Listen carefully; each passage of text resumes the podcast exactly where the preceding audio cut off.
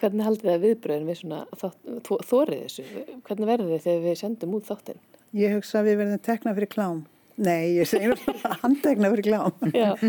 nei, nei, það verður frólitt að vita. Ég er búin að vara börnum í við. Það? Já. Já. Og þau sé bara, ha mamma, hva, hvað segir þetta aftur? og hvernig útskýrur þetta fyrir þeim? Ég segi bara, það er einhver fallið stúlka sem bara okkur að koma og við bara hlítum. Maður verður stundum að skröka sko. ég er fallið stúlka, það er alveg já, já. þannig að það er bara hér bestamál Það er frábært Er þú búin að vara þitt fólk við? Nei, hún er svo vöndóttir mín að ég sé að skandalisera hér og þar þannig að, þannig að ég, já, já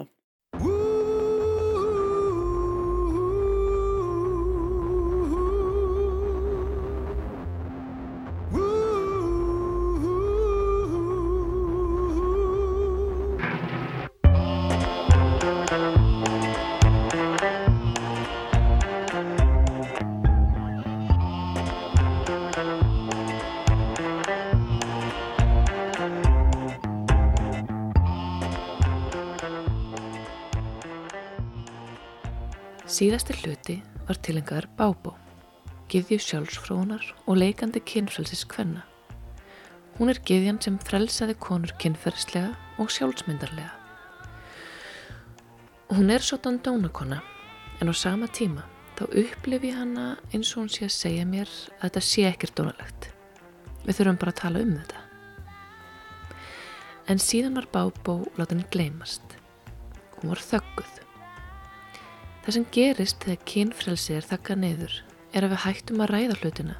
Og ef við ræðum ekki hlutina þá er ansi erfitt að lifa lífi þar sem við getum tjáð langanir okkar og þrár. Þá væri erfitt að segja hluti eins og mm, til dæmis um, þegar ég fer á elliheimili þá langar mig að geta haldið áfram að vera kynvera. Og ég vil fá rými og skilning til þess að geta synd þeirri hlið í mér fengi að stunda sjálfsfrón og kynlíf í friði. Ég nefn þetta bara svona sem dæmi.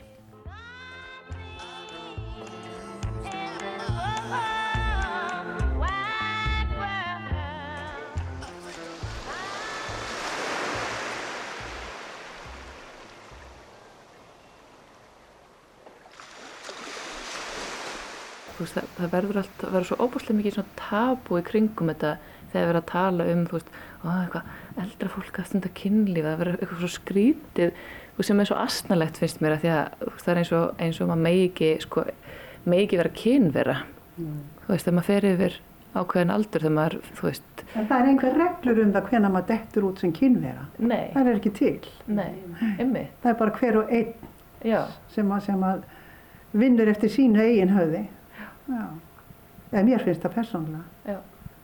En svo er bara svo mikil sem verður þessi námt á milli fólks, þá maður sé orðin sko allir, sko, já, 2007 þá er maður, menn það, það er það marg á síðan ég var rúmlega 70 sko, að þá er bara þessi námt að halda utanum bara upp í rúmi og sapna kannski bara með að halda í hendina á honum. Akkurat. Mm. Jáfnveil þó að maður ger ekki neitt vegna þess að, að hérna annar makinn er bara veikur og kannski ekki hefur ekki tækifæri til þess eða hefur ekki bara löngun eða, eða neitt annað. Þá er þessi námt sem að, að mér finnst svo mikilvæg. Mm. Sem maður auðvitað fær líka í kynlífinu, sko. Já, já, auðvitað, auðvitað. Ég fór á stúfana og hitti tvær vinkonur. Þær hafa greinlega gaman að lífinu og kunna að taka sjálfa sig ekki of alvarlega. En það er stutt í gríni hjá þeim. Nú varst þú að segja áðan að þegar þú varst ung, þú, þú elst upp með í stórum sískinahóp. Já, það fannst það. Hvernig, hvernig var þegar þú varst ung og varst að, að, að hérna, uppgöta einn líkama og, og, og hvernig var þetta í, í kringum? Elskam, ég var svo feimin, ég hef bara snúið mitt í veggjar ef einhver sagt, er allt í lægi með því, ertu með, hérna, þið vitið þetta sem er þarna í klófinu eina. ég hef byggðið snúið upp að vegg og róðna. Það var ekkert talað um þessa hluti. Nei. Og þegar það var talað um þá var sagt kannski tussa, það var svona skammar í því um, um, um, um stúrkur. Nei, það var tussa og svo strákarnir voru bara með titling fyrir ekki orðbræði, þetta er bara svona, þegar nú er, nú er talað svo frjálst um þetta, nú er þetta bara píka, tippi, titlingur ja.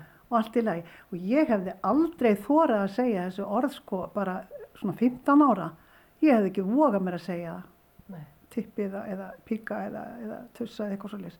Strák, ég heyrði strákana stundu segja þetta, þá voru þeir eitthvað að rafla saman og, og, og hérna, það var bara eitthvað sem ég bara ráðnaði að snýra mér upp í hotn. Já, ég alveg tala, ég er ekki að skrökva. Nei.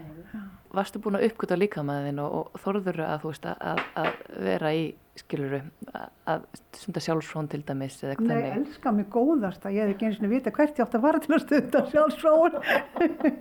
ég alveg verið tala, ég er ekki að skrökva.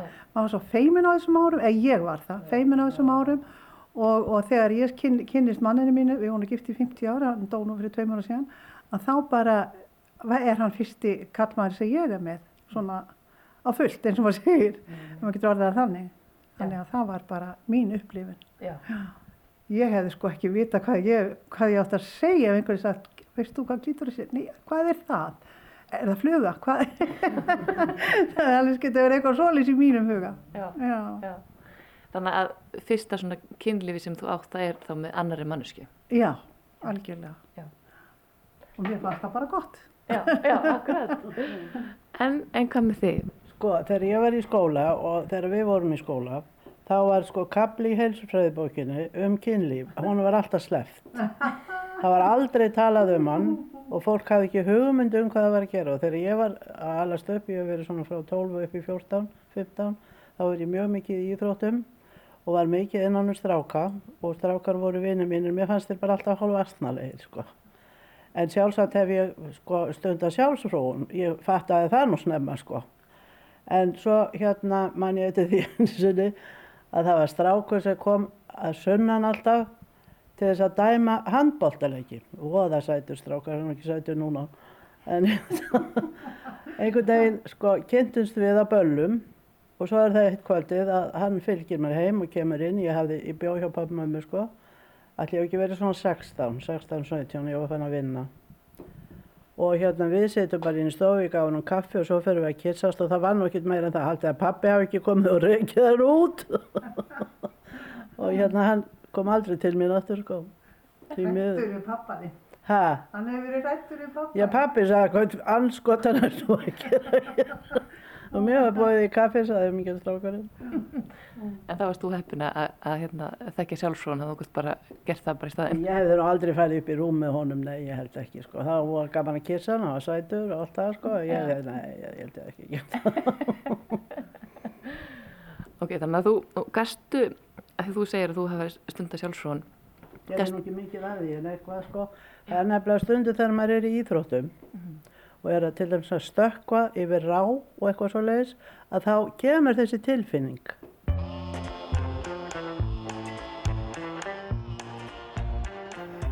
Og þá fattar maður það, sko. Að þetta er svolítið smiðult. nákvæmlega. Þegar þú segir þetta. Já, Nei, nei, býtu við, þá man ég eftir þegar ég var í barnaskólanum, þá var eh, sko engin íþróttasalriðar neitt. Köðlunum. Ég fór í kaðal og, og hérna prílaði upp og, og skólastjóna var svona rosa hvað ég verið dugleg. Og svo bara kom eitthvað sem að ég veist ekki hvað Já, var. þetta var, já, já, maður fattaði þessu En Nei, ég kveikt ekki, kveikt ekki að því, nei. Þú fórst ekki eftir og aftur í kaðlana. Það hefur heitið fróun. Kaðlafrúin svo kalluð. Já, já, nákvæmlega. Þetta er alveg satt, Maður er þetta strykst alltaf við klítori sko. Þetta kaðlatin strjúkast við klítori Já, stennar já. á klífi. Já. En svo prófaði maður þetta aftur og þá fattaði maður alveg hvað það var. Ah, frábært. Og hérna, e, talaður um þetta við einhvern annan? Ég held ég að tala um þetta við konum mín og þeir voru að prófa kaðlana. Við vorum þrjár sem vorum ekki í íþróttum og það er þetta fund, já, já, við töluðum um þetta. Ok. En við tengdum þetta aldrei við stráka, sko. Nei. Af því að kyn, kynlífinu var sleppt úr helsufræðið bókinu, sko. Þannig að þetta var bara one man show, sko. Akkurat. Bara eitthvað gott sem að þau upplifum með ykkur sjálfum. Akkurat. Skemmtilegt. En hvernig er það síðan, hérna, þú veist, svo kem eldist maður Mm. og þú veist, er, heldur maður áfram að stunda þessi sjálfsfróðan? Nei, veistu það, ég held að þetta bara sko byggist á hversu góðu kynlífi maður lifir og hversu góða fullnæðingum maður fær frá makanum, sko. Og ég fekk það alltaf, þannig að ég þurfti ekki að vera, við vorum voða dugli í kynlífinu. Það var okkur þess að hjá mér. Þetta var ekkert, sko, það var bara maður hafði átti gott, gott kynlið með sínum maka og það var æðislegt. Það er eiginlega það eina sem ég sakna núna. Já. Ég hef ekki nefnað þessu. Nei, kannski ekki, kannski ekki. Nei, og hvað, hérna, þú segir að maðurinn hafi látist fyrir tveimur árum, síðan, já. Voru þið virk í kynlífinu alveg fram að þeim degi? Já, nei, ekki kannski alveg fram að þeim degi, degi því hann var alveg svo slappur, kallangin. Bara veikur. Já, já, Þannig að það var svona eiginlega meira bara, maður gæti bara láta sér dreyma, já. ekki satt? Já, akkurat, já.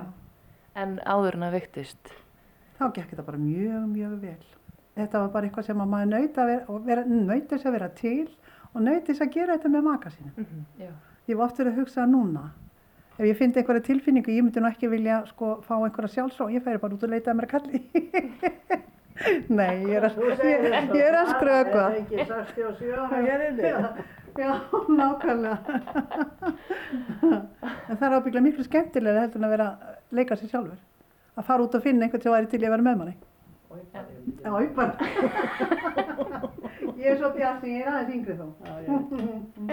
Veistu það að ég hérna, maðurinn minn dó 2007, hann var búinn að vera veikur mjög í tvö ár og þá var nú ekki mikið um svona kynlíf og, en við gerðum það samt sko. Þetta var bara mjög ánægilegt líf og hérna maður fekk fullnægingu og sem er nú bara alls ekkert gefið að fólk fái sko. Nei, einmitt. Ég var að lesa rannsókn í gær uh, þar sem fram kom að konur á sérst, 70 og eitthvað ára sögðu að þær fengu jafn góða fullnægingu eins og þegar voru 40 og eitthvað. Mm -hmm. Ég alveg tekið undir það. Já, Mér finnst það bara mjög trúlegt. Þetta er bara svona.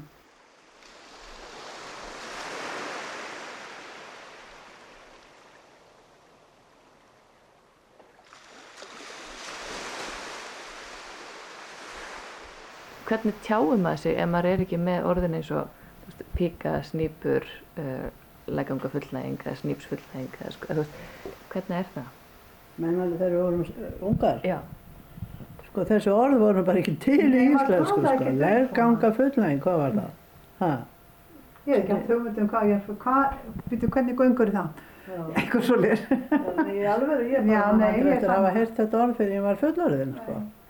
Ég er sammála því. Snýpur náttúrulega heyrði maður, það er kannski ekki heldur, sko. Nei. Hvað var það? Snýpur var ekki komið í, í tal, eða sem sagt, þetta orð var ekki komið, ég man ekki eftir að hafa heyrt það þegar ég Það var var bara tuss og tillingur, sko. Já, Og að ríða, það var ekki samfærið, það var að ríða Já. og tuss og tillingur, það var bara þessi þrjú orð. Þess að ég man eftir, sko. já, ég er sammála því. já, Svona var lífið skrítið. já, svona Já, já, leiði þetta af, það kunni ekki svo orð. Sögu. Ah, Æ, já. já. En þið eigið, þið eigið börn, eigið þið báðar dætur eða Ég á tvo drengi og eina stúlku. einar fólku? Töluðu eitthvað um, um þetta við, við ykkar börn? Ég verði að hugsa tilbaka, ég man ekki eftir að ég með, hefði verið með neina svona kynfræslu fyrir dóttur mína. Nei. Það var bara ekkert, og ég bóði, sko, ekki heldur í skólanum, sko. Þannig að, nei, ég, ef hún spurði þá svaraði ég náttúrulega. Já, Allt það, já, já, já, já. En yfir höfuð held ég hafi ekki verið talað um þessa hluti, bara almennt. Nei. Og ég man ekki eftir því. Nei. En, en þú? Ef hún spurði það þá svaraði ég þetta, ég var ekkert með henni að skipulega tíma sko. Nei. En þegar hún fór að vera með stráknu snemma sko, þannig að hún spurði mér nú stundum og ég þetta svaraði henni því. Og, en þetta var ekki neitt svona skipulega kvöldskeptun sko. Töluðu þið einhvern tíman um þetta við, þú veist, um kynlífi eða sjálfsróun, eitthvað leys við, við foreldra eða einhver svona eldri? Guð að segja ég minn nei. Jésús minn, ég hef verið reikin að heima. Ég held að það er alveg, ég er alveg saman að því, það var ekki til, það var aldrei talað um svo þessar hluti heima hjá mér. Ekkert svoleiðis. Maður sá pappa og mamma kýsast og knúsast en, en svo vissi maður ekkert meir. Vasast inn í svefnabörgi hjá þeim sko, vissi ekki hvað þau voru að gera. Nei, nei, nei, nei, ekkert svoleiðis. Og strákarnir bræður minni, þeir fóru út í bæ til að gera eitthvað ljótt af sér, eitthvað fallegt af sér. já, já. Hefðu þið viljað eh, að það hefði verið meiri fræðsla eða þið getið talað meira um þetta þegar þið voru yngri? Já, veistu það, ég held að, að, að maður hefði bara haft gott að því, sko. Maður hefði ekki verið að gera, sko, maður hugsaði kannski allt öðruvísi um, um það ef maður hefði fengið einhverja fræðslu. En þetta var í alvöru sko í skólanum, það var bara flett yfir, það var ekki, það var yfir þessa blæðsögur í, í, í helsuvendabókinni. Ég held að það sé bara stutt síðan þið fóru að lesa og, og, og kynna unga fólkinu þetta. Það er bara, ég, hef, ég segi, ég held að sé ekkert svo íkjamörg ár síðan þið fóru að fjalla um þetta með unga fólkinu. Ég ætla að segja ykkur eitt, að uh, stúlkan sem býr hjá mér, hún er ennsku kennari á laugavatni og hún er að kenna lífsleikni líka og akkurat núna í dag er hún með læknanema frá landsbítalanu sem koma í skólana og eru með kynfræðslu í tvo tíma fyrir fyrsta bekk og annan bekk. Já. Þetta er sko framhaldsskóli eða mennskóli. Mér finnst þetta rosalega flott. Ég hafði ekki hugmyndum að þetta verið gert. Nei. Þetta er ég á eitt sem er læknisræði, hann, hann er búin að, e, þau eru að fara í svo. Ke kynna, jú, mér finnst það mjög og nöðsynlegt. Þetta ástráður kannski, heitir ekki það? Jú, þetta er ástráður og svo líka er það með eitthvað annað. Æ, ég veist, ég man ekki hvað það heitir.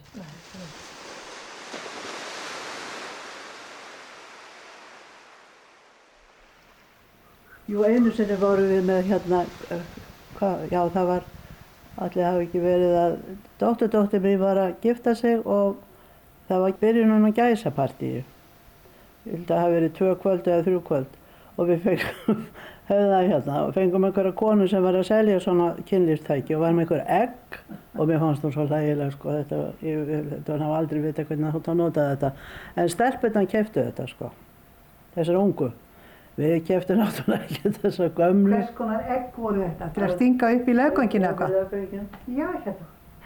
Og svo var hún með eitthvað meira, ég man ekki hvernig þetta var. Þeim fannst þetta voða sniðut. Þær voru aldrei feimnar sko. Rosaði Jón Gummul. Ha? hefur aldrei hert það með eggin. Nei, að stinga eggjum upp í skottið á sér. Já, það er þetta er frá sko, við víbruna. Já, svo víbra og svo getur sett það líka á snýpin, örfa Já, já, já, já. Og ég setja á, penis líka sko. Já, takk fyrir. Það má nota Maður þarf ekki að kalla um að halda, maður fæ sér bara svona einhverja títróu. Á ég að fara fyrir í búðina. Nei, ég get alveg á mig sjálf ég. Ég er búin að fara einu sinni. Já, nei, nei. Hún var nefnilega hérna upp frá þessi búð. Já. Rosalega flott búð.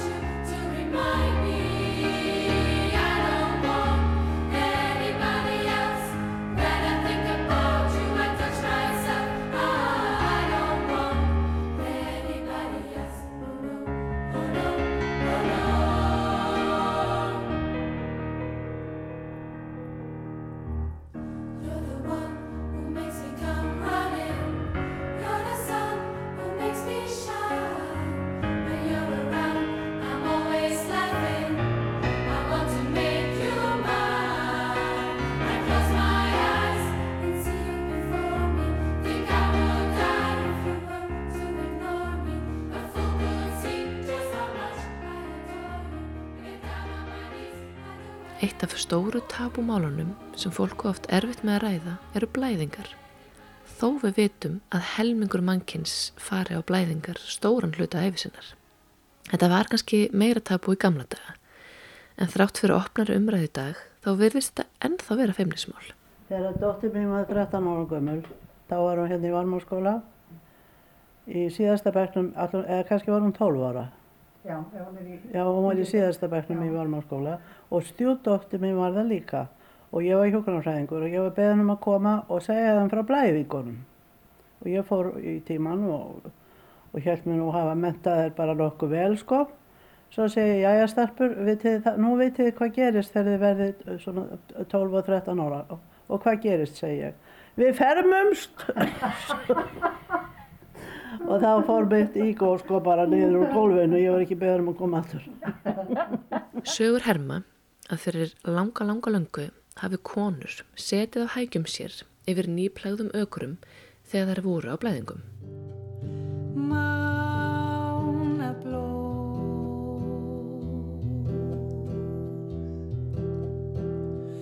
Mejar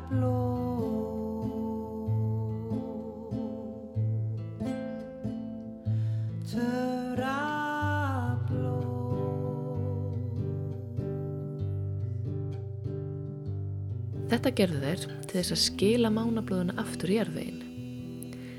Mörg líkneski eru til frá þessum tímum af konum í þessari stellingu.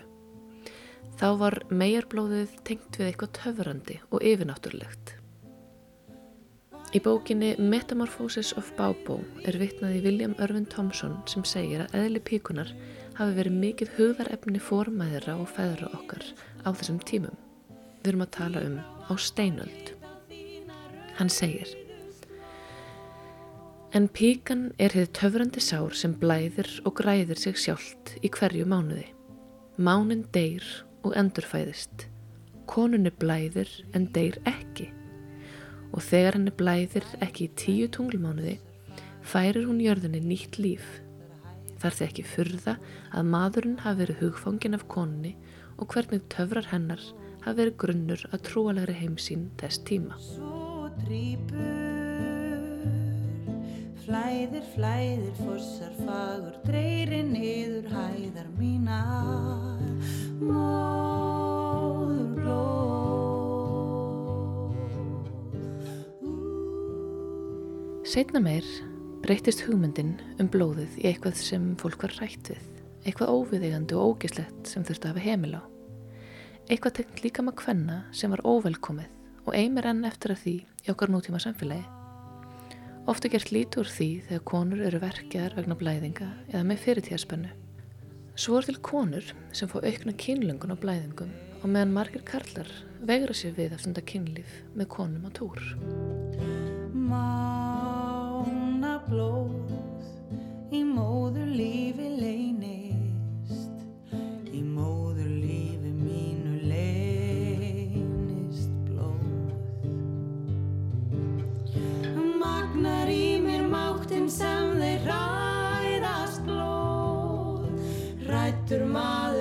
maður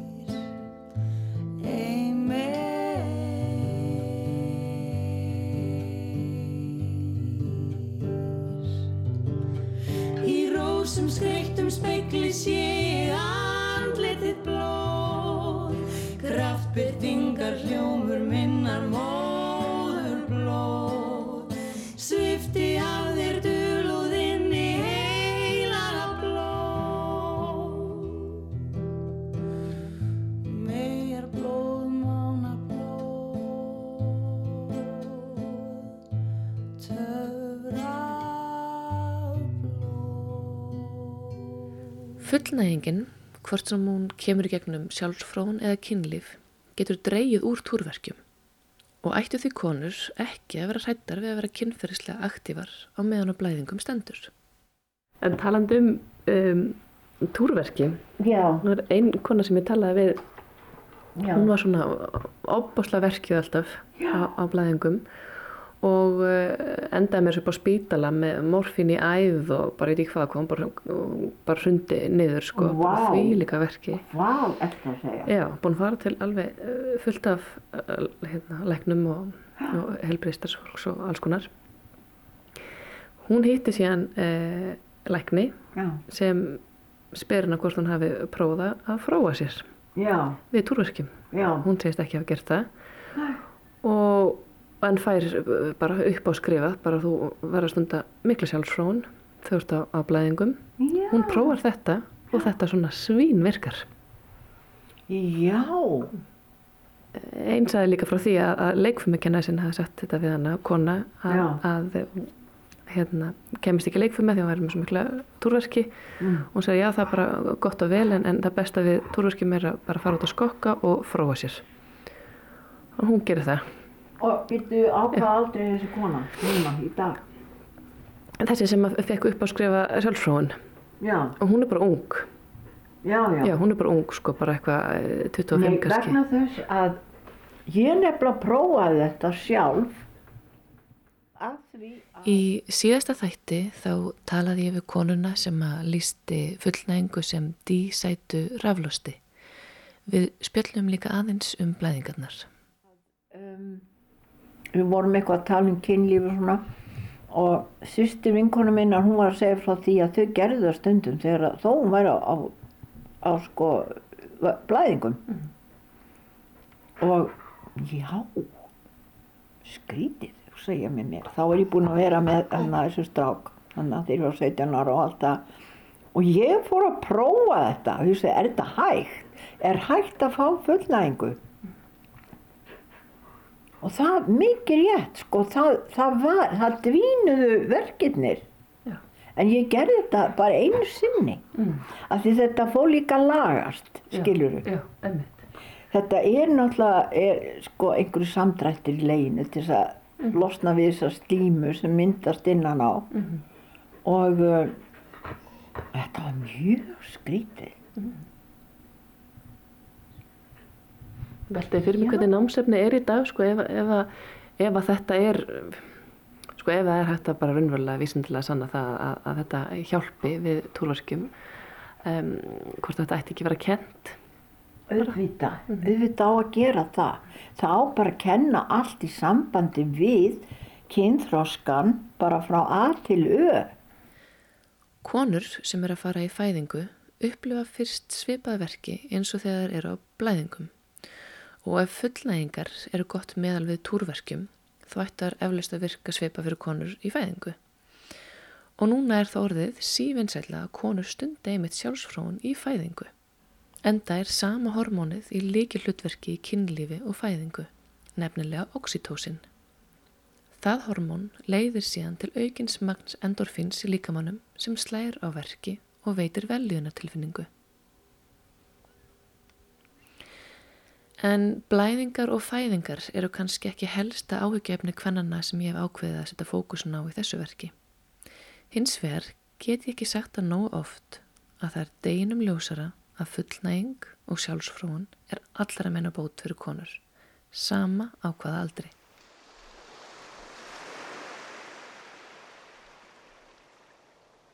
Þegar ég hugsa um tabú eins og sjálfsfróun og blæðingar, þá hugsa ég ósjálfrátt um staðalýmyndir og væntingar samfélagsins til fólks eftir kyni. Það eru mjög mismunandi og er mikil pressa á einstaklingum að haga sér ákveðin hátt. Það er allra yktustu eru kannski þær að karlar eiga að vera sterkir og ekki tala um tilfinningar sínar og konur eiga að vera fyrirfara minna og sjá um heimilið. Ég tek það fara mér að tala um þær allar yktustu. En það er sömulegið sama á ekkert pláss fyrir neinanur kyn eða kynneiðir í okkar heteronormatífa samfélagi. Ég veit að þetta hljómar illa en örvæntið ekki því það er líka til ást, væntumþykja, umburlindi og hlýja. Ég hitti þrjár vinkunur og við spjöllum um konuna, hjónabandið og ástina.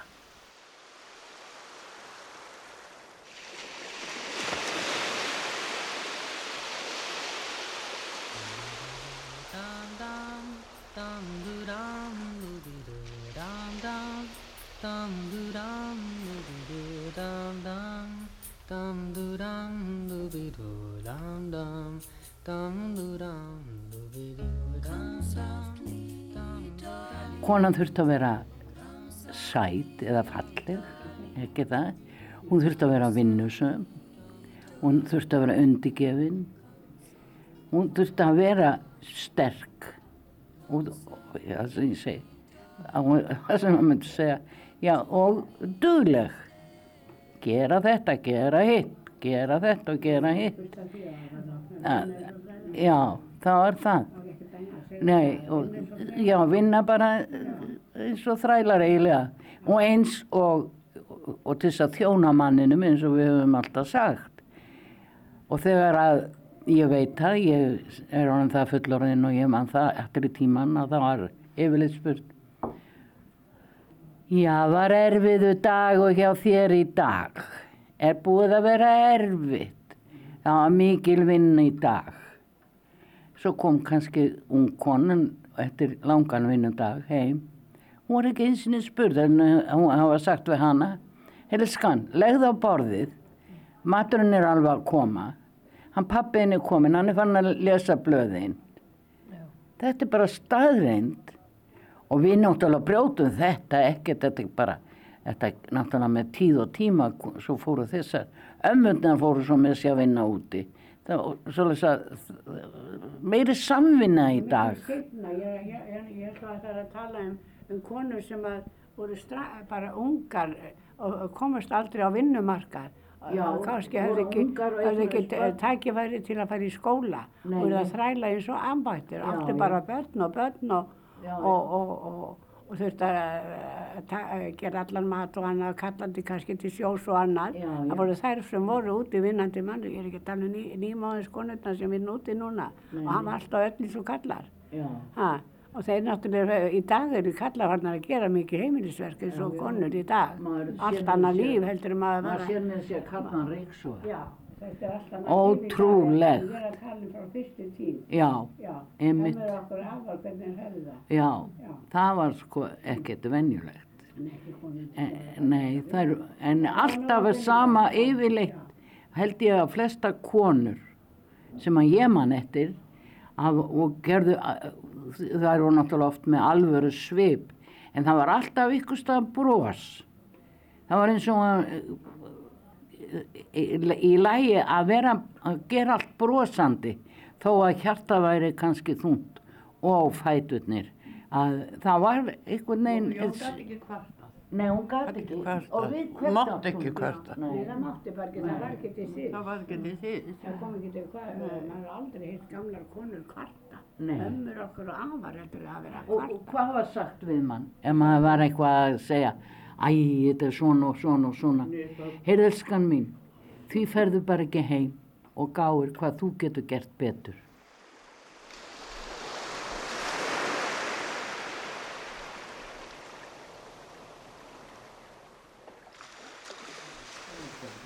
Já, þetta voru bara viðtæki hjá mæðurum við dætu sínar.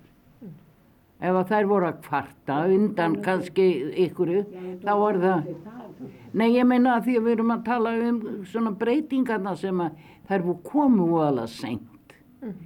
Og unglingstúlkan, hún fór að heiman ástfanginn og, og allt í lagi með það og egnaði sín börn. En hún fór með það að heiman að hún ætti að standa sig. Þannig að e, það sem ég líka taka frá þessu er að um, á sama tíma að þú þarft að vinna, koma heim frá vinnu og sjá um heimili, Já, en svo áttu líka að vera sko kynvera, já falleg kona. Já, þetta er aldrei mikil pressa. Það var mikið pressa og, og, og, og ég, mér persónulega þegar ég hugsa tilbaka og, og, og ég ætla að kritisera eitthvað, að þá myndi ég segja að þetta var of mikið tilætlunarsemi. Hugsið ykkur. Já, hjá maðurum að segja þetta.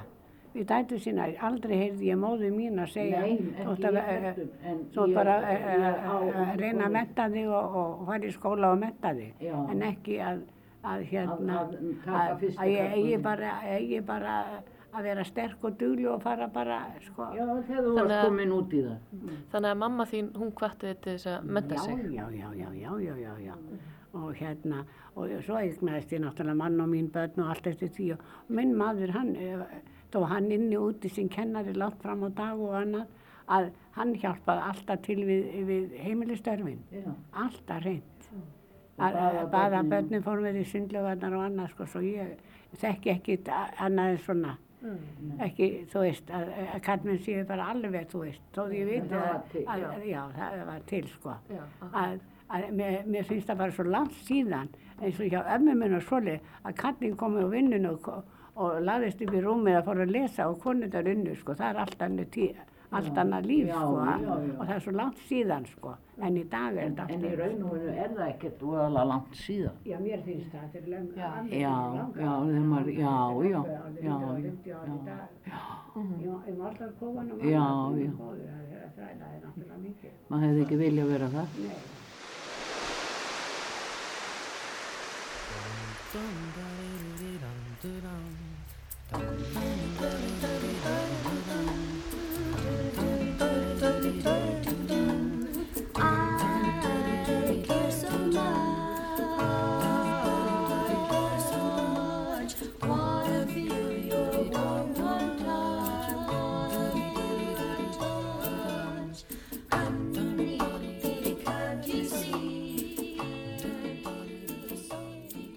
En þú veist, áður en að þið fóru til dæmis á vinnumarkaðin eða fóru að vera, þú veist, með ykkar manni, vor, voru þið farnar að kanna eða upplifa líkamann ykkar eitthvað eða var þetta, máttu ræða þetta eh, á ykkar tímum þegar þið voru ungar?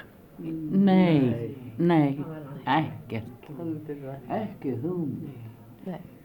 Maður hafði ekki hugmynd um neitt. Nei, Nei. maður kunni varla kissa. Svo maður gæti maður ekki tala við vinkunni sínur um neitt. Nei, Nei, ekki um kynlíf. Nei, Nei. emmi. Ég var að ma- man eftir því að þegar, að- þegar að áður ég gifti mig kynntist manninu mínum að hérna 18 ára og, og hérna, eða 19 ára var það ólétt og ma mamma bara tók þessu vel. Ef ég væri ána sko allt í lagi, allt í lagi með það og, og þetta væri góði maður og svo náttúrulega var það og gekk allt vel. Svo það reyna ég að, að þetta var mjög gott kynlíf með mínu manni. Já, akkurat. Já, frábært. En maður veit ekkert um náttúrulega kynlíf svo aftur maðra sinna hvernig það var. Það, maður heyrði það aldrei, það, hefur sérlega verið í svo Maður var miklu- feiminn bæ- ef að- bæði, þre- ég er ofta að hugsa í öfnustu þrengslum í baðstofunum, hvernig fór, fór fólk að því að lifa saman? Það er alveg stórmerkilegt. Er maður var svo feiminn ef maður sá pappa og mömmu kissast. Nei, maður, ég, ég var alltaf svo feiminn. Pappi hann fór aldrei í vinnunum að kissa Já, það pabbi, hann- dásamlegt. Maðurinn minn kisti mig líka alltaf þegar hann fór út á mótnana. Já, þekki minn líka. Já, Svo ég þekki þetta nú. já. Og það var alltaf svona klapp á rassin, sælelskan og kist á kinnina. Manni fannst það voða eðlilegt. En að sjá þau kissast svona inn í stofu eitthvað, það fannst manni ógulega bjánalegt. Áttu þessu sískinni? Já, við vorum átta, Þið voru átta? Já. Vá. svo það var mikið talað. En, en, en eldri sískinni mín, þau, við bara ólustum upp þannig að skóli, læra. Jú, auðvitað fór maður á dansæfingar og, og maður var skotin í þessum og ef að, nei, ég segi það og auðvitað, ég, segi það, að maður, maður var svo vitlega maður, ef einhver horfði djúpt í augun á manni þá var maður bara feiminn og, og, og fór eitthvað á bakvið og, og næstu vinkonu eða eitthvað. Ég Þú- var þú varst ekkert hrædd við það? Helga var aldrei hrædd við það. Nei, nei, ég hafði bara gaman að að þeir líta mig í íri auga, sko, bara Já. beint út af dansskólfi, bara vanga dans, sko, það er gaman mann. Já, Ég var nú Ég? ekki að fela mig. Nei, en gaman. Þannig að þið fannst það skemmt, skemmtilegt að fá. Skemmtilegt að fá svona, Já. Eitthvað bros. En Og hýrt, hýrt auga. Já.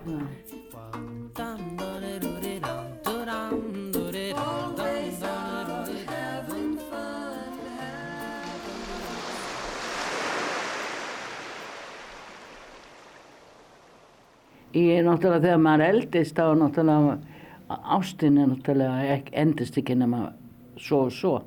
En þegar maður er orðinn fullorðina þá er það að sofa við hlýðin á hvort öðru vera, og vera góðu við hvort annað. Taki haldi hendi á hvort öðru þegar fólk er orðið mjög fullorðin í Það hættir að hafa ekki, ki- haldi, hafa ekki, ki- kynlíf eh, fullorðið fólk. Jó, já, ekki, já, það náttúrulega komu veikindi, það er náttúrulega Það er svolítið. veikind heldur að að svona heilbritt fólk held, þau getur ekki haft kynlíf alveg, jú, alveg, fram að, alveg til hundra ára hugsa ég. Nei, sko. Jú, ef það er, ef það er líkamlega rest, þetta fólk, eins og margir hérna og annað sem er, er kannski, Er að alveg sjálfsagt, það, það heldur hljóta að vera. Já. Alveg á meðan, sko, það hlýtur að vera, nei, það þarf ekki einu sinni til, sko, það, ef það er einhver vandum þykir, já, konuna mín að þetta lengi heldur að fólk reynir ekki að hafa þetta alveg, sko, Ég held veist, að verði nú samt meira. er mikill og, já, það, það kannski dofnar ekki, kannski ekki eins einmitt. en það er ábyggilega heldur ábyggilega. Já, já, eins lengi. Alveg. Mér hefur alltaf haft þetta, eða ég lifði það upp náttúrulega. Það var nú kannski komið veikindi þar til, en það var ekkert síður að liggja hlið við hlið og kela og gæla við hvort annað. Nei, ég lifði það upp að því að ég, það var vegna veikinda sem að þá, hef, en ástin, ég held að hún breytist í þú verður ekkert ástfangin alla æfi Að manninu nei, verður vantur því ekki allar tíð. já það verður væntum þykja Heila ást. já, a- ég er að segja ástin breytist í væntum þykju og, og hvað maður að segja umhyggju já, það er nú það sem er. Já, Ma- þú ka- þú skal ekki tala um að að fyrst þegar þú ert ástfangin þá kemur þetta alveg bara allir, allir líkaminn Já, með og langar alveg virkilega til að þeir langar virkilega til þess að njóta ástarinnar þegar þú ert ung og ástfangin. já og líka að gefa heitan koss sem dugar alveg nýri tær. Það kallar náttúrulega á kallar á náttúrulega samferðin í rúmi.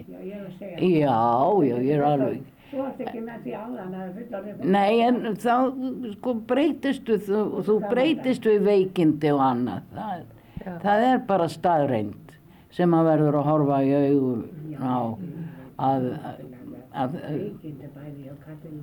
já, það er nú það sem er. En hérna, en hvað segir þú? Svo má hennar koma að Ég get ekki bætt neinu við nei, Mér finnst þetta, ég er svo sammála henni, mann þykir vant um mannin og já, þá hefur maður þörf fyrir kynlíf. Já. akkurat, svo er það bara búið. já, Það er ekkert annað. nei, eins og ég Einmitt. þetta getur ábyggilega staðið. Ég, ég er alveg viss um það, ég er 87 ára. Ég er alveg viss um það ef að ég ætti manni minn núna Já. að ég myndi stunda kynlíf. Já, það er alveg, alveg viss Já. um það Ég segi sama. þetta mun, held ég að meðan fólk er, er svona líkamlega rest svo einhvern tíman eitthvað hafi komið fyrir það haldið alltaf áfram. Vantur þykjan og, Og kynlífið. kynlíf og allt saman. Alveg, það segi ég alveg, það er ég alveg, það er reynda það er svo Já, ég er alveg sem það vil. Ég hef heyrt að, að, að maður þurfi kannski líka bara að grípa í einhverjar öðruvísi aðferðir, þú veist maður kannski ekki að stenda, já, já, já, sitjandi eða líkjandi en en að hlýða er allavega sko mikið lífandi sóskup en þetta hefur svo mikið að segja ég vissum að það lengir bara lífi hjá fólki sem að Stundar kynlíf. sem er á hvort annað svona lengi, það lengir lífið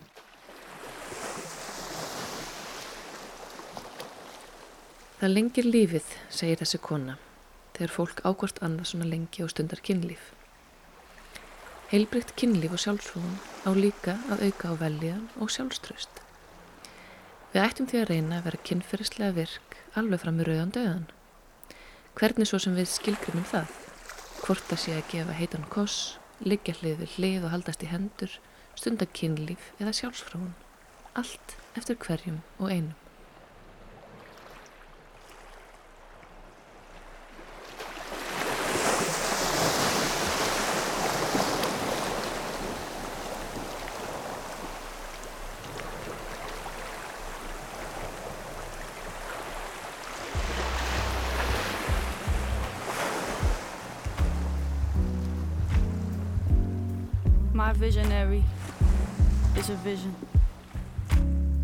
Her dancing by the window, and it rips my flesh to ribbons. And the whole world is just ripples in the middle distance. I listen to her hips, I push my kisses to her lips. We move like we were born to move. The night is teeth and pistons. And there is something in this tenderness that makes me want to live. Fire smoke. Her mouth sets free this captive. Come close to me. Free me. Let me untangle the madness that knots you. I drop to my knees and crawl across you. I tell you I've got you.